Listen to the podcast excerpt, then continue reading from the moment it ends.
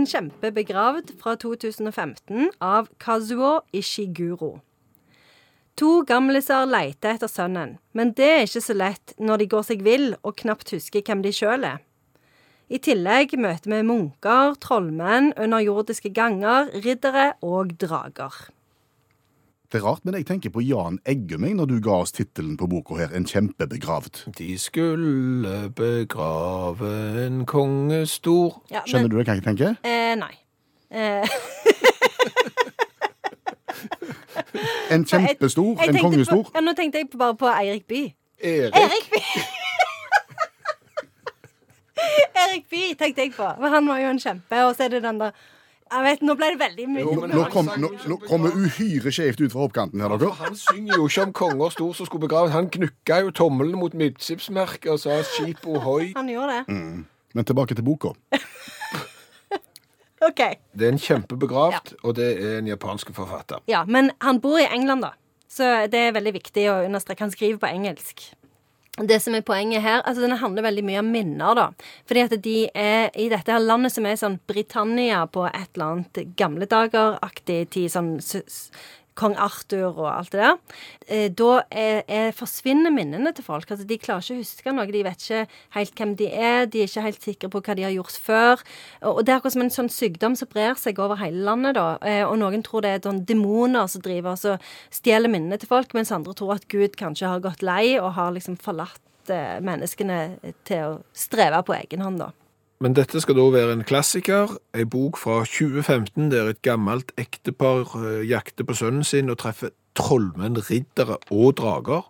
Eh, poenget med denne er at han, er liksom, han har fantasy-elementer, men han handler liksom om menneskene og deres psykologi, så derfor klarer Kazuo Ishiguro å komme seg unna med det. Og han klarer å komme seg unna med det i slik grad at han faktisk har vunnet Nobelprisen i litteratur.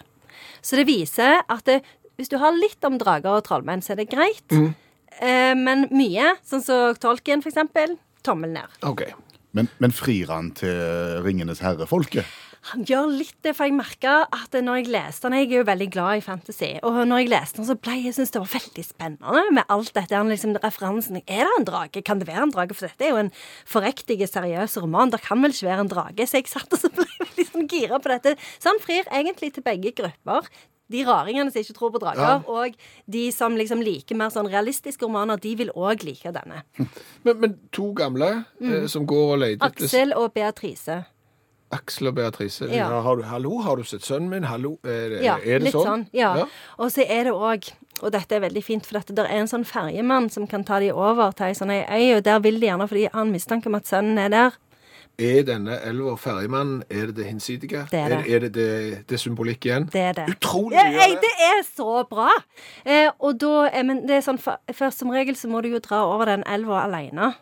Men det, det kan gjøres unntak hvis de viser fram en sånn en ekstreme kjærlighet, en sånn en voldsom kjærlighet, så kan det gjøres unntak. Så det er det de prøver liksom å finne ut om det er en måte at de kan reise over sammen på. Mm.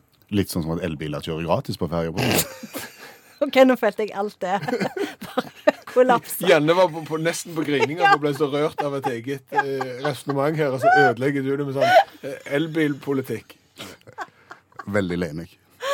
Nei, men så, så det, det er en roman som er bare helt sånn fantastisk, og som alle bør lese umiddelbart. Et berømt sitat. Jeg har et berømt sitat. Kanskje Gud skjems så inderlig av oss at han prøver å tvinge seg selv til å glemme. Så Gud har, Gud har forlatt bygningen. De får styre på der inne. Orker ikke mer. Litt sånn ballrommet på Ikea. Orker ikke mer. Eh, Vet det fins, men ja. gidder ikke bry meg. Ja. Jeg går og tar meg en soft ice i, med kassen. Ja, ja, ja. Der, ja. Ålreit. En kjempebegravd. Vil du eh, oppsummere for oss? Det er vel en historie om at hvis du har mista ungen din, så kan det være lurt å lete etter den før du har blitt for gammel. Fordi at eh, da husker du ikke ting. Eh, det går litt seint for deg. Og i tillegg da så kan du møte mytiske vesener som ikke fins, fordi at fantasien din kanskje spiller deg et puss og to. Jeg syns det var veldig fint. Men, men det som er fint med den boka, det er at det, det er ikke noen sånn indikasjon på at de innbiller seg dragene. De, de, de er der, de. Dragene fins. Ja, ja, de ja. de fins, de. Så jeg skjønner ikke hvorfor du må liksom trekke det i tvil. Nei, Så du som er en true believer En drageentusiast. Tusen takk, Janne Stigen Drangsholt, forfatter og litteraturviter. Og dragetroer.